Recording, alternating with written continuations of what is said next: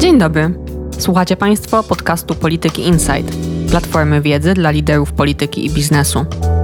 Co tydzień nasi eksperci omawiają najważniejsze wydarzenia polityczne i gospodarcze, analizują krajowe, europejskie i globalne trendy. Ja nazywam się Hanna Cichy, jestem starszą analityczką do spraw gospodarczych i zapraszam do wysłuchania kolejnego odcinka i odwiedzenia strony internetowej politykainsight.pl. W ostatnim tygodniu mieliśmy do czynienia z prawdziwym rynkowym rollercoasterem. Zaczęło się niepozornie od problemów finansowych średniej wielkości amerykańskiego banku. Przez następne dni po obu stronach Atlantyku analitycy, inwestorzy i decydenci z obawą przyglądali się kolejnym bankom, giełdowe kursy szalały, a oczekiwania na dalsze podwyżki stóp procentowych w Stanach i w strefie euro spadały. W dzisiejszym odcinku zapytam Piotra Sobolewskiego, starszego analityka do spraw sektora finansowego w Polityce Insight, co dokładnie stało się z Silicon Valley Bank i Credit Suisse i jak ocenia szanse na zarażenie się kolejnych banków. Porozmawiamy też o tym, jakie lekcje wyciągną z tych wydarzeń regulatorzy i banki centralne. Przede wszystkim jednak spojrzymy na sektor finansowy w Europie i w Polsce i poszukamy jego słabych stron, a także postaramy się odpowiedzieć na pytanie, jak mógłby wyglądać kryzys bankowy nad Wisłą. Piotrze, za to mam dosyć trudny i intensywny tydzień. Opowiedz może po kolei w skrócie, co wydarzyło się w Silicon Valley Banku i dlaczego. Silicon Valley Bank mierzył się z wyzwaniem, które w krótkim czasie, przy dużej skali i przy braku pomocy z zewnątrz może doprowadzić do upadku tak naprawdę każdego banku. Chodzi o elementarny brak zaufania do tej instytucji, panikę, która prowadziła do masowych wypłat z niej depozytów i gwałtownego spadku wycen ich akcji. SVB miał bardzo skoncentrowany portfel depozytów. On był beneficjentem boomu technologicznego w Dolinie Krzemowej, a jego bazę klientów stanowiły przede wszystkim fundusze venture capital i startupy specjalizujące się właśnie w technologiach. Czyli sektor, który w ostatnich miesiącach no, radzi sobie trochę gorzej niż przez ostatnie dwa lata. Zgadza się. I ten sektor, który bardzo na tym tanim dostępie do kapitału korzystał, kiedy stopy procentowe były nisko, ale kiedy Fed zaczął podnosić stopy procentowe, kończąc tym samym erę rekordowo taniego pieniądza, instytucje te zaczęły stopniowo wycofywać swoje depozyty, a dodatkowo sytuację pogorszył fakt, że 7 marca specjalizujący się w obsłudze firm kryptowalutowych Silvergate Capital zamknął swoją działalność. I teraz co robi SVB, który mierzy się z wysokimi wypłatami depozytów? No, decyduje się na sprzedaż portfela obligacji, które ma i które są dostępne do sprzedaży.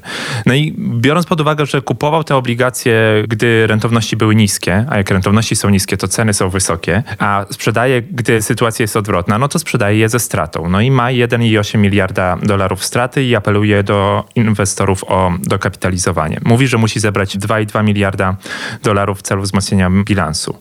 No i to już na dobre rozbudziło panikę na Wall Street. Fundusze doradzają swoim klientom, aby wypłacali środki z banku.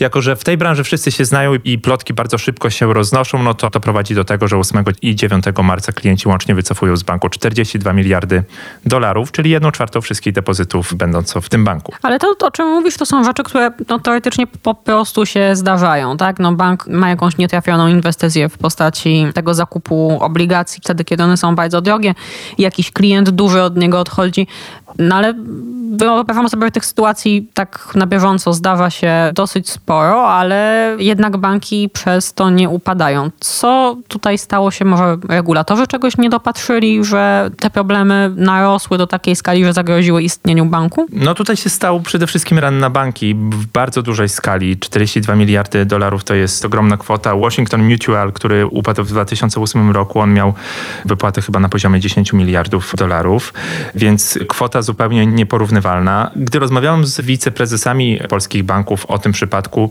oni też zwracali uwagę na to, że no SVB przecież mógł pójść do Fedu i poprosić o pożyczkę. I Fed pewnie takiej pożyczki mógłby udzielić. No jednak z jakiegoś powodu tego nie zrobili. Ja sobie wyobrażam, że mogli sobie tego nie zrobić. Po prostu licząc na to, że zbiorą kapitał od inwestorów. No inwestorzy się przestraszyli, oni kapitału nie zebrali. Konieczna była już później interwencja kalifornijskiego Departamentu Ochrony Finansowej Innowacji. Nastąpiło przejęcie banku.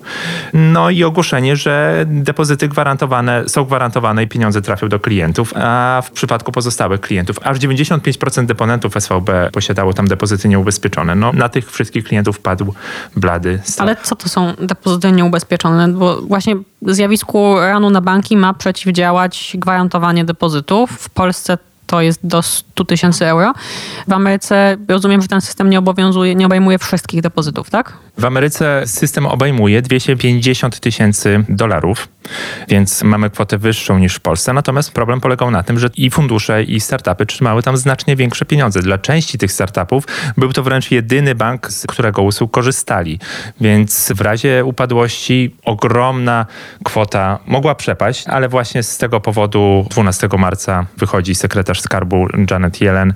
No i w wspólnym oświadczeniu z Korporacją Gwarantowania Depozytów i Fedem informuje, że mamy uporządkowaną likwidację banku, no i zabezpieczamy potrzeby wszystkich deponentów, czyli także ci, którzy mieli nieubezpieczone depozyty, odzyskają swoje środki, co miało uspokoić trochę rynek, no i zdaje się, że na chwilę uspokoiło. Tutaj jeszcze wspomnę o tym, że Fed zapewnił wtedy, że wyposaży w gotówkę wszystkie banki, które będą tego potrzebować. No i dzisiaj już wiemy, że banki tego potrzebowały. Tak. To ile banków znalazło się też w trudnej sytuacji w minionym tygodniu? Było ich trochę i na pewno takim najgłośniejszym przypadkiem jest przypadek First Republic Bank, banku, który był trochę większy niż Silicon Valley. No i on miał linię kredytową od Fedu i od JP Morgan na 70 miliardów dolarów, ale dowiedzieliśmy się też, że sytuacja w tym banku była na tyle poważna, że 30 miliardów dolarów dosypały tam po prostu największe banki w Stanach Zjednoczonych, w tym wielka czwórka z JP Morgan na czele. No i taka zrzutka miała pokazać inwestorom i deponentom odporność systemu bankowego, wiarę w ten system, powstrzymać tym samym wypłaty depozytów, dalszą wyprzedaż akcji regionalnych banków. Łącznie z Fedu banki wzięły 153 miliardy dolarów pożyczek na 90 dni i 140 miliardów dolarów trafiło w postaci pożyczek pomostowych do zamkniętych instytucji. Natomiast no tutaj mamy po prostu SVB oraz Signature Bank, które po prostu musiały sprostać zobowiązaniom swoich deponentów. No ale znajdujemy się w takiej sytuacji, w której regulatorzy i tutaj nadzór finansowy Fed mówią co innego, a robią trochę co innego. I to, że oni ratują te banki niezależnie od jakichś popełnianych tam błędów, bo mówi się dużo o tym, że w SVB był bardzo duży problem z zarządzaniem ryzykiem, że to było robione w sposób nieprofesjonalny po prostu. No i jeżeli w takiej sytuacji ratujemy bank, ratujemy również ryzykownie zachowujących się deponentów, być może częściowo dlatego, że oni reprezentują taką dosyć popularną, nośną branżę. Być może gdyby to były małe i średnie przedsiębiorstwa z jakichś mniej takich błyszczących rejonów gospodarki, to byłoby inaczej. Czy nie jest tak, że Fed po prostu zachęca do podejmowania wysokiego ryzyka, bo mówi, że w razie czego zawsze będzie przychodził i sprzątał po tych, którzy na, na baláganiny. Trochę tak to wygląda i ja wyobrażam sobie, że w wielu głowach może pojawić się teraz myśl, że hulaj dusza piekła nie ma, no bo koniec końców zawsze bank centralny i regulator przyjdzie i pomoże. Natomiast no nie do końca, no bo po pierwsze akcjonariusze i obligatariusze stracili na tym. Deponenci odzyskają wszystkie pieniądze, które tam trzymali. Po drugie, no Silicon Valley Bank był bardzo popularny wśród startupów, ale to wynikało po prostu z jego strategii działania. On miał taki system, platformę i rozwiązania, know-how, które po prostu sprawiały sprawiało, że no był nie wiem czy najlepszym, ale na pewno jednym z najlepszych banków do obsługi tego typu podmiotów. No i nawet chińskie startupy zakładały tam konta, bo wskazywały na to, że założenie konta na chiński numer telefonu, co chyba podawał CNBC, trwa tam tydzień, podczas gdy w innych bankach ze względu na bardzo duże wymogi regulacyjne może to trwać od 3 do 6 miesięcy. Faktycznie grzech nie skorzystać. Tak. No i dlatego SVB był bardzo popularny. Czy możemy w takim razie powiedzieć, że dzięki tym szybkim i zdecydowanym działaniom regulatorów, nawet jeżeli one w długim okresie tworzą jakieś tam inne ryzyka, temat kryzysu bankowego w Stanach Zjednoczonych chwilowo mamy zażegnany? Myślę, że obawy spadły, ale temat będzie jeszcze się ciągnął. No na pewno będzie gorący w tym tygodniu, bo 22 marca jest posiedzenie decyzyjne amerykańskiego Komitetu do Spraw Operacji Otwartego Rynku, czyli odpowiednika Rady Polityki Pieniężnej. I jeszcze do niedawna tutaj przedstawiciele z szefem Rezerwy Federalnej Jerome Powellem na czele mówili bardzo ostro o konieczności dalszych podwyżek stóp procentowych, no a teraz oczekiwania na te podwyżki dosyć mocno stopniały, więc to na pewno będzie jeszcze podtrzymywało zainteresowanie tym sektorem finansowym w Stanach. No to teraz może przepłyńmy szybciutko ocean. W połowie tygodnia te problemy amerykańskie zaczęły też przeciekać do Europy. No i pierwszą ofiarą tego niepokoju był Credit Suisse. Dlaczego akurat on? Zaraz po upadku SVB zaczęło się szukanie kolejnych najsłabszych ogniw. No i w Europie długo nie trzeba było szukać. Taką rolę w odbiorze inwestorów spełnia szwajcarski Credit Suisse. Jest on najsłabszą taką kulejącą gazelą, która zostaje z tyłu stada. No wydaje się, że tak, no bo nawet jak spojrzymy na sprawozdania tego banku, bank zaraportował w 2022 roku prawie 8 miliardów dolarów straty netto. Największa strata od czasu kryzysu finansowego w tym banku. Wcześniej mierzył się z dużym odpływem depozytów. Podawał, że na koniec 2022 roku depozyty były o 40% niższe niż rok wcześniej. No a 14 marca poinformował o znalezieniu istotnej słabości w swoich sprawozdaniach. W swoim raporcie wskazał wprost, że kontrola wewnętrzna nad sprawozdawczością nie była skuteczna. To brzmi bardzo źle, prawda? Czy to jest trochę też to, co przyczyniło się do poprzedniego kryzysu, czyli jakieś niedobory w nadzorze, ale też w audycie, no przecież ktoś te sprawozdania Credit Suisse audytował. Zgadza się. No i tutaj już te czynniki same napędzały panikę. Mieliśmy wypłaty depozytów, mieliśmy spadek cen akcji. Mieliśmy wreszcie sytuację, gdy CDS-y, czyli instrumenty ubezpieczające przed niewypłacalnością podmiotu, stały się najdroższe w historii tego banku.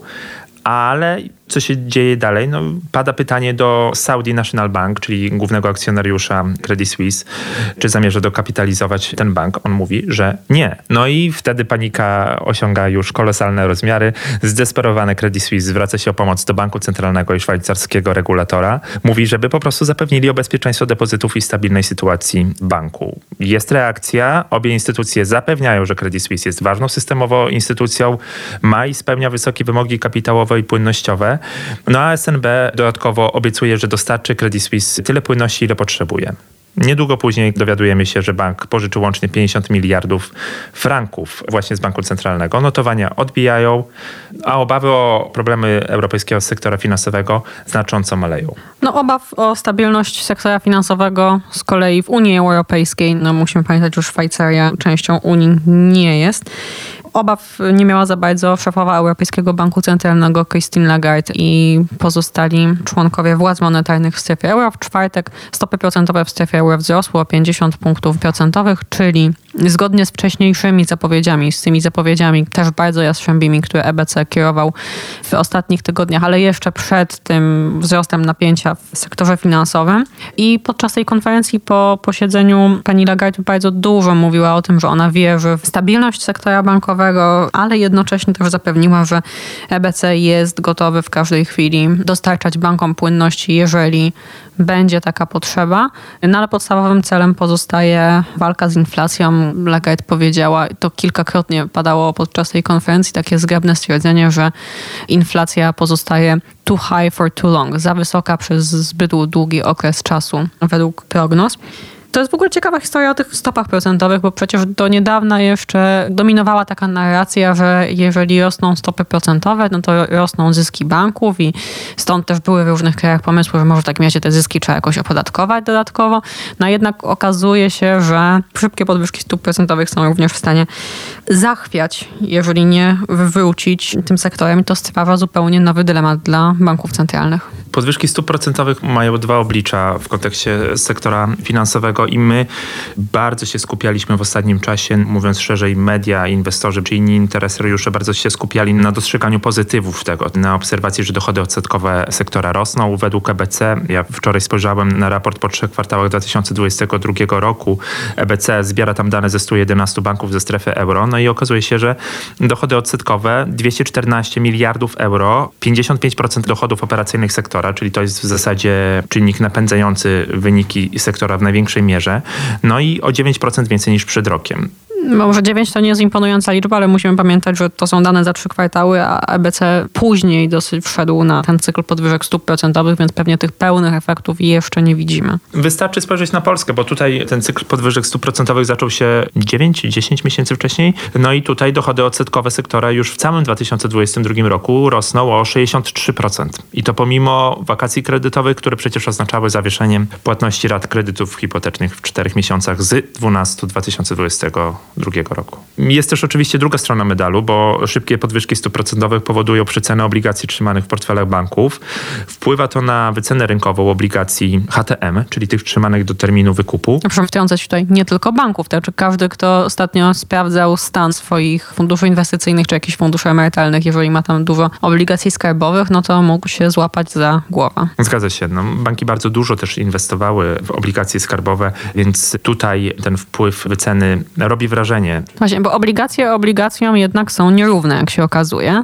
I to, co mogło przesądzić o większej skali problemów w Stanach niż jest w Europie, to to, że banki kupują różne obligacje, ta struktura obligacji w ich portfelach się różni. Czy możesz coś o tym więcej opowiedzieć? Tak, no banki kupują różne obligacje i różnie je księgują, bo w ostatnim czasie duże wrażenie mogła robić taka liczba 620 miliardów dolarów niezrealizowanych strat na obligacjach w amerykańskim sektorze bankowym. I już samo to mogłoby zapowiadać kryzys bankowy w tym kraju. Natomiast no, musimy sobie zdać sprawę z tego, co to tak naprawdę jest. Tutaj mówimy o niezrealizowanych stratach na obligacjach HTM, czyli tych trzymanych do terminu wykupu. I jeśli trzymamy je do terminu wykupu, no to tych strat nie ma, bo to po prostu jest wycena rynkowa tych obligacji, natomiast to w żaden sposób nie wpływa na bilans i na wyniki sektora. Inaczej jest z obligacjami AFS, czyli dostępnych do sprzedaży, bo tutaj wzrost rentowności przekłada się na obniżenie kapitału własnych sektora i widzieliśmy to też w Polsce w drugiej połowie tamtego roku, kiedy rentowności polskiego długu mocno rosły. Polskie banki wtedy jednak nie sprzedawały masowo tych obligacji, więc tych strat nie było. A jak wiemy, zrobił to SVB i dlatego 1,8 miliarda dolarów straty musiał zaksięgować. I te różnice wynikające w dużej mierze też z różnego nadzoru, ale też innej kultury bankowości po prostu przejawiają się w tym, że to napięcie w Stanach jakby narasta dużo szybciej. Ostatnio ktoś, z kim rozmawiałam o tej sprawie, spytał mnie, okay, ale przecież w Polsce upadł Getin, no i nic takiego się nie stało. A tutaj upada jakiś bank w Ameryce bardzo, bardzo daleko od nas i jest panika, wszyscy o tym mówią, giełda leci w dół. Właśnie to jest w sumie ciekawa obserwacja, że jeżeli, że na ten system ochrony deponentów, ale też przymusowego przejmowania banków jest na tyle dobry, sprawny, racjonalny, że zabezpiecza przed rozlewaniem się tego ryzyka na, na resztę sektora. Tak, myślę, że ciężko porównywać te dwie sytuacje, natomiast oczywiście to porównanie może przyjść wielu osobom do głowy. Po pierwsze, Getin krwawił przez kilka lat tak naprawdę i wszyscy w sektorze wiedzieli, że jest to najsłabsze ogniwo tego sektora. Pytanie było chyba nie czy on upadnie, tylko kiedy. Zgadza się. I to jest ta pierwsza różnica. Druga różnica jest też taka, że w Polsce mamy zupełnie inną strukturę depozytów, bo zdecydowana większość jest gwarantowana, więc tutaj państwo by nie musiało wchodzić i nie musiałoby gwarantować, że nawet te niechronione depozyty będą zabezpieczone. No i wreszcie trzecia różnica jest taka, że w związku z tym, że sytuacja w Getinie trwała bardzo długo, w zasadzie nie mieliśmy też takiego klasycznego ranu na ten bank. Mieliśmy jedną sytuację masowych wypłat z tego banku, kiedy wybuchła afera z byłym szefem KNF-u, który miał składać propozycję właścicielowi Getin Noble Banku. Wtedy deponenci wypłacili dużo pieniędzy z Getin Noble Banku, natomiast Getin po prostu poszedł do NBP i wziął pożyczki płynnościowe i dzięki temu przetrwał tamtą sytuację. Tutaj nie mieliśmy tego ruchu, tutaj mieliśmy po prostu sytuację, kiedy bank sprzedaje portfel swoich obligacji, bo z jakiegoś powodu uważa, że jest w stanie sam sobie z tą sytuacją poradzić. O ile nie mamy chyba jakichś takich realnych obaw o to, że ten kryzys, czy zaczątek kryzysu rozleje się na polskie banki, no to bardzo w ostatnich dniach krwawi przez to polska giełda. Prezes GPW Marek Dietl w wywiadzie dla Polskiego Radia mówił o tym, tak? Po głowie dostali wszyscy, czyli mocna przecena na giełdzie zupełnie niezwiązana z fundamentami. To jest niestety piękno bycia zglobalizowanym rynku finansowym, że jakieś zdarzenie bardzo odległe może rzutować na nasze wyceny, natomiast patrzymy ze spokojem na to. Jestem pewien, że jak ochłoną, zmniejszą się emocje i inwestorzy docenią z jednej strony reakcję rządu Stanów Zjednoczonych, który postanowił ratować depozyty, z drugiej strony bardzo małą ekspozycję Polski na ten bank, to wyceny wrócą do swoich poprzednich poziomów. Dlaczego akurat polski rynek kapitałowy tak mocno dostaje rykoszetem w tej sytuacji, kiedy no faktycznie tylko jedna polska firma notowana na giełdzie miała depozyty w SVB, raczej te związki z amerykańskimi bankami mamy nieduże, chyba też amerykańskich spółek czy spółek córek amerykańskich firm mamy niewiele na GPW. Zgadza się. Ja myślę, że dlatego, że zmienia się, mówiąc w żargonie rynku kapitałowego, sentyment, a sentyment zmienia się w taki sposób, że inwestorzy chcą w razie dużego ryzyka dla na przykład wybuchu kryzysu bankowego po prostu wycofują pieniądze z bardziej ryzykownych rynków, a za takie wciąż uważana jest Polska, która dodatkowo leży blisko Ukrainy i tutaj mamy też kilka takich ryzyk. Polski rynek kapitałowy jest dodatkowo zdominowany przez inwestorów zagranicznych. Kilka godzin temu GPW podało informację o tym, że inwestorzy indywidualni odpowiadają jedynie za 17% obrotów na GPW. Cała reszta to są fundusze, a największa część to są inwestorzy zagraniczni. Więc jeżeli inwestorzy zagraniczni panikują, to polskiej giełdzie się mocno obrywa, choć często może to nie mieć nawet żadnego racjonalnego wytłumaczenia. No ale na pewno nie sprzyja to rozwojowi tego rynku kapitałowego, bo o problemach GPW rozmawiamy cyklicznie tak naprawdę od lat i niestety cały czas są dokładnie te same rozmowy z jakąś tam przerwą w ostatnich paru latach, kiedy faktycznie coś zaczynało na tym rynku dziać, więcej spółek do niego wchodziło, były to bardziej zdywersyfikowane spółki, ten rynek robił się ciekawszy, ale teraz niestety znowu jest jest dosyć spory odwrót od GPW, no i ten z jednej strony globalny wzrost napięcia, z drugiej strony sytuacja w regionie na pewno temu nie sprzyja i sprzyjać nie będzie. Przyglądamy się w ostatnich dniach z jeszcze większą uwagą sektorowi bankowemu również w Polsce. Paweł Borys, szef PFR-u w wywiadzie dla EMF-u mówił, że nie mamy się czym martwić. Mamy banki, które są wyposażone dobrze w kapitał, sektor, który jest nadpłynny, nowoczesny. Oczywiście jest pewna czarna chmura na horyzoncie. Ona jest w postaci problemów kredytów frankowych, które no rzeczywiście, gdyby zastosować się do opinii TSUE, mogłyby wywołać poważne problemy niektórych instytucji finansowych. Natomiast poza tym ryzykiem możemy czuć się tutaj w pełni bezpiecznie. Jak to oceniasz? Jakie jest największe zagrożenie dla sektora bankowego w Polsce? Co spędza bankierom sens powiek? Nieprzewidywalność. I to jest coś, co się pojawia od dobrych kilku lat, a bardzo po wybuchu wojny w Ukrainie wzrosło poczucie tej nieprzewidywalności, niestabilności, obaw o to, co przyniesie jutro, czy pojawią się jakieś kolejne regulacje, czy kolejne ryzyka dla sektora bankowego. Branża boi się o przedłużenie wakacji kredytowych. No właśnie, bo nieprzewidywalność to nie jest tylko zmiany stóp procentowych, to nie jest tylko wojna w Ukrainie, ale to jest też krajowa polityka. Zgadza się. No i tutaj po pierwsze nie wiemy co z wakacjami kredytowymi, bo rząd mówi, że może będą, może nie będą, zobaczymy, zależy od inflacji, zależy od stóp procentowych. Bardzo dużo niepewność. A zbliżają się wybory. No czekamy na wyrok Trybunału Sprawiedliwości Unii Europejskiej w sprawie wynagrodzenia za korzystanie z kapitału. Jeśli Trybunał w ślad za rzecznikiem tego Trybunału uzna, że bankom nie należy się prawo do wynagrodzenia za korzystanie z kapitału w razie unieważnienia umowy frankowej, banki będą musiały zmienić swoje szacunki dotyczące rezerw frankowych. No i wiemy już, że w czterech bankach oznacza to łącznie 3,2 miliarda złotych dodatkowych kosztów, przy czym te koszty nie obejmują jeszcze wszystkich banków, które na takie ryzyko są wystawione. Dodatkowo taki wyrok prawdopodobnie zwiększyłby liczbę pozwów, no bo klienci nie musieliby się obawiać kontrpozwu ze strony banku, a to z kolei podbiłoby wartość rezerw o kolejne miliardy dowiązywane co kwartał. No i tutaj jest KNF, który pracuje nad ustawą frankową nad czarną godzinę, która opierałaby się na ofercie ugód przedstawionej w 2020 roku, no i mogłaby ograniczać te negatywne efekty wyroku Trybunału dla sektora bankowego. Natomiast takim głównym ryzykiem w moim odczuciu, bardzo mało prawdopodobnym, ale ostatnie lata nas nauczyły, że takie czarne łabędzie mogą się ziszczać, nawet jeśli dajemy im jakieś strasznie małe prawdopodobieństwo, że się wydarzą, no to chyba wydaje mi się, że w tym momencie to jest kwestionowanie umów dotyczących kredytów złotowych ze zmiennym oprocentowaniem opartym o WIBOR. Ja też właśnie śledzę tą dyskusję z pewnym przerażeniem tak naprawdę, bo gdybyśmy zaczęli nagle kwestionować wszystkie kredyty, no to trzeba by przebudować tak naprawdę cały system bankowy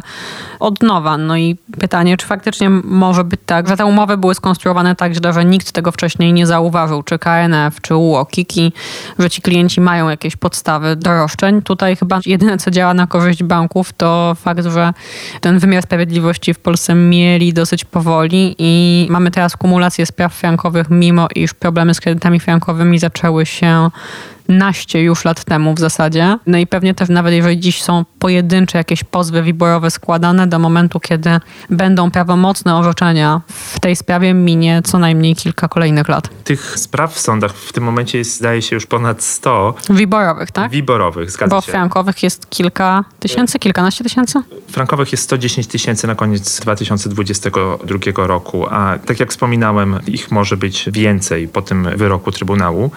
Natomiast to, co może gdzieś tam niepokoić, to jest to, że do Sądu Okręgowego w Katowicach trafia wniosek prawników o skierowanie pytań prejudycjalnych do unijnego Trybunału. No i to pierwszy raz nie dotyczy kredytów frankowych, bo jak wiemy, my bardzo lubimy zadawać pytania do TSUE i żeby TSUE najchętniej nam powiedział, jak mamy takie sprawy rozstrzygać, no ale to dotyczy kredytu złotowego i sąd musi zdecydować teraz, czy ten wniosek skieruje do TSUE. I tak jak wspominałaś, mnie również ciężko sobie wyobrazić scenariusz, że sądy przyznają rację złotówkowiczom, rusza fala pozwów, gdzieś tam dociera do mnie ta argumentacja KNF-u i GPW Benchmark, czyli administratora wskaźnika, że wskaźnik jest zgodny z rozporządzeniem BMR, nie dochodzi przy jego ustalaniu do żadnych manipulacji. Nawet gdyby były takie próby, to administrator byłby w stanie je wykryć. Dostarczanie danych jest automatyczne, banki przekazują informacje do administratora, nie wiedząc, jakie informacje w tym czasie przekazują jego konkurenci. No i, i ciężko mi na ten moment wyobrazić sobie taką sytuację, ponieważ WIBOR jest powszechnie używano w polskiej gospodarce stawką. To nie jest nie tylko kwestia kredytów hipotecznych, to są też inne kredyty, to jest też leasing, to są obligacje skarbowe, obligacje firm, samorządowe, listy zastawne, instrumenty pochodne.